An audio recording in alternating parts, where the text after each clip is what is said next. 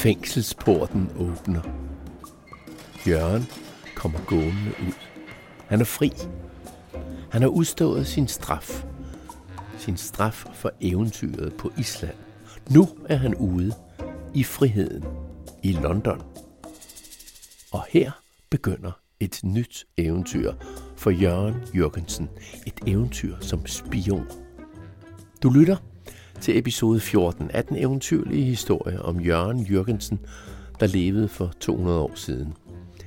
Denne podcast, Søhelt, Svindler og Spion, er lavet for Københavns Biblioteker af mig, Claus Vitus, og det er en sand historie, som jeg har skrevet sammen. Jeg har dykket ned i forskellige bøger, der er skrevet om ham på engelsk, på australsk, på islandsk og på dansk.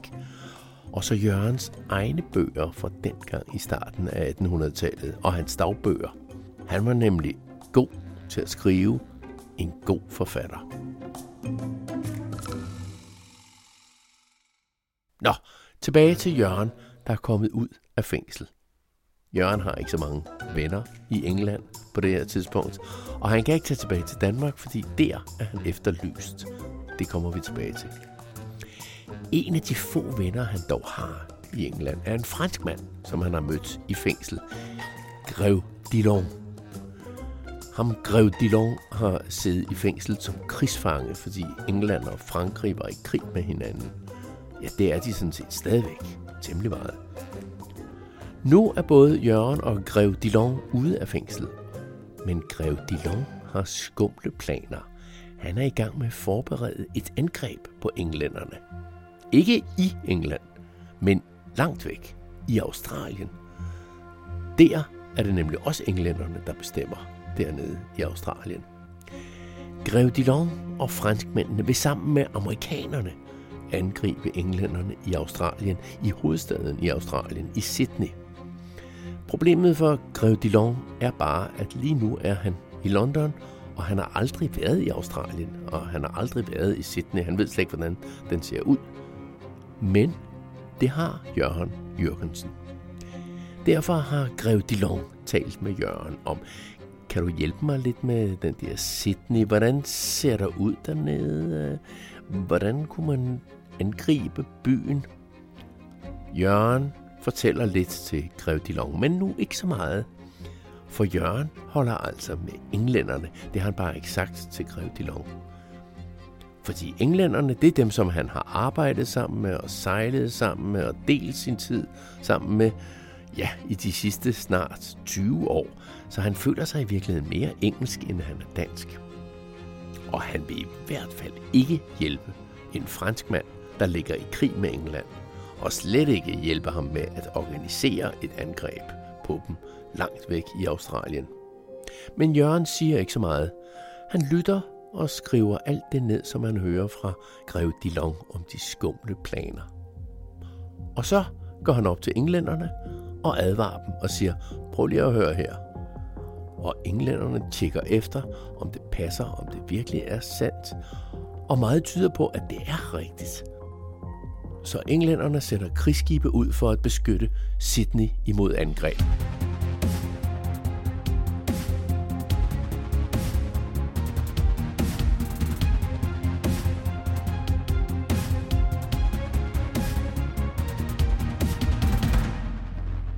Blev aldrig til noget angreb mod Sydney. Men englænderne er i hvert fald glade for, at Jørgen har advaret dem, og de finder ud af, at han er sådan set en god mand. Han kan både tale engelsk og også fransk. Det lærte han hjemme i skolen, og de talte også hjemme i København i hjemmet, når de skulle være rigtig fine. Og tysk, det talte de også derhjemme i Jørgensen-familien.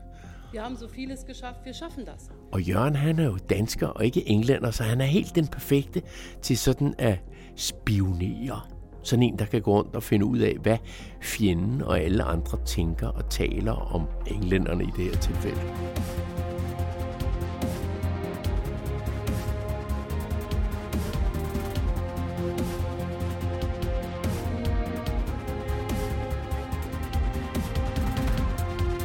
Og fjenden er jo altså lige nu Frankrig, og ikke mindst den franske Napoleon, som har samlet en stor hær og er på vej mod England. Napoleon og alle hans soldater er kommet til en lille landsby, og der kommer englænderne så også med deres hær. Englænderne har nemlig sendt general Wellesley afsted med en masse soldater, som skal møde Napoleons soldater. Wellesley er en kendt og meget vigtig mand i England på det her tidspunkt. Han er blevet hertug, en meget fin titel, hertug af Wellington, og han er en hård hund, siger dem, der kender ham. Og derfor bliver han kaldt for jernhertugen. Og han er altså også general og klar til at møde Napoleon i et kæmpe slag i en lille belgisk by, Waterloo.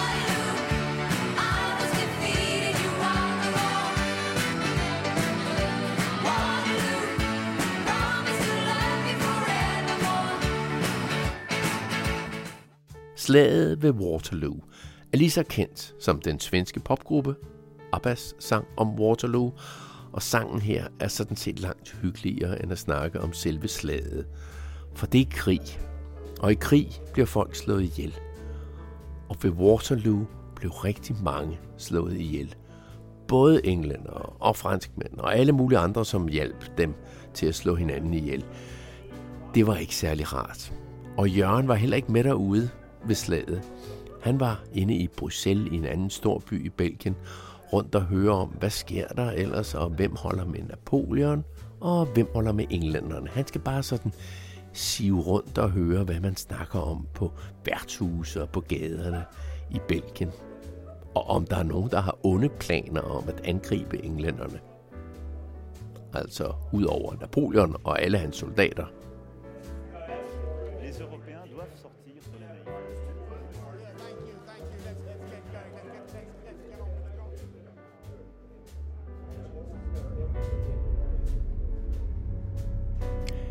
Wellesley er sådan set en af Jørgen Jørgensens gamle venner. Han har nemlig mødt ham i Danmark på Letreborg Slot på Midtjylland, dengang englænderne angreb Danmark.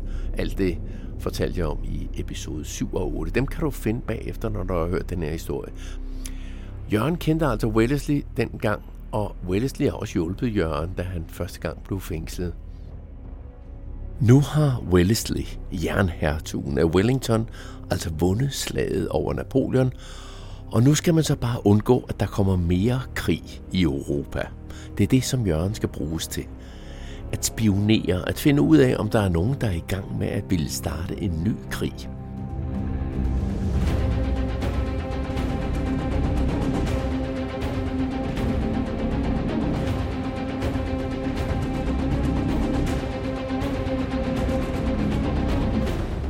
Jørgen får penge til at rejse rundt i Europa, til Paris og til Berlin. Han kunne egentlig også godt tage til Danmark, men han er ikke helt sikker på, om de ville blive glade for at se ham derhjemme. Men han har fået den overraskende besked om, at hans far, få timer før han døde, havde skrevet til kongen af Danmark og spurgt ham, om han kunne benåde hans søn, altså Jørgen, som ellers var efterlyst i Danmark for landsforræderi og kongen sagde ja til Jørgens far, kort før han døde.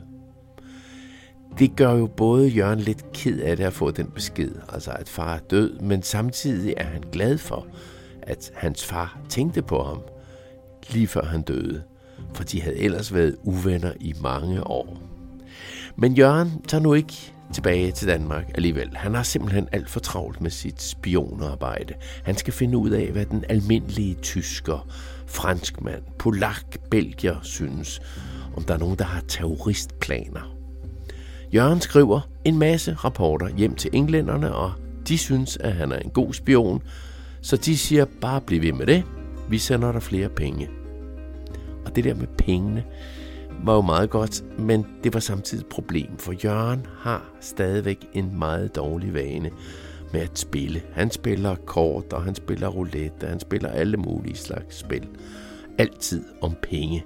Han kan simpelthen ikke lade være. Og han taber hele tiden sine penge. Alle dem, han får fra England. På et tidspunkt i Paris har han tabt alle pengene og må tage sin fine skjorte af og sælge den for syv franske penge. Og dem taber han også.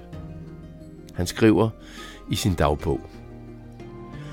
I Paris spillede jeg så vildt, at jeg bogstaveligt talt i den kolde december måtte sælge min skjorte.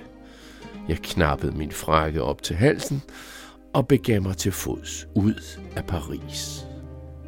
Kold og uden mad og uden et sted at sove, går Jørgen afsted som en hjemløs. Men heldigvis er der altid nogle søde mennesker, der inviterer ham indenfor, så han får både mad og en varm seng her og der. For Jørgen var jo ikke en farlig mand, selvom han godt kunne ligne sådan en, når han gik der med langt skæg og uret hår og en slidt vinterjakke og lignede en hjemløs. Men han var altid god for en historie, som han kunne fortælle til dem, som hjalp ham. en historie om dengang han var konge af Island, eller dengang han var med til at opdage Australien, eller dengang han fangede valer ved Sydafrika, eller dengang han var med i et søslag. Han havde altid en god, næsten sand historie. Og han var i hvert fald selv altid til stede i alle historierne.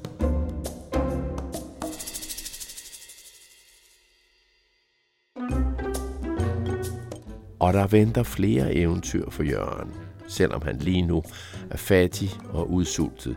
Men bare rolig, han skal nok opleve mere, og det skal jeg nok vende tilbage til i næste episode, den 15. af podcasten Søhelt, Svindler og Spion. Skrevet og fortalt af mig, Claus Vitus, fra Københavns Biblioteker, og musikken er leveret af Epidemic Sound, og du hørte jo også lidt af den svenske gruppe Abbas sang Waterloo. Og i mellemtiden kan du lytte tilbage på nogle af de mange gode eventyr og historier, som Jørgen har kunnet fortælle om sit liv. Der er altså 14 episoder nu af denne her historie. På genhør i næste episode.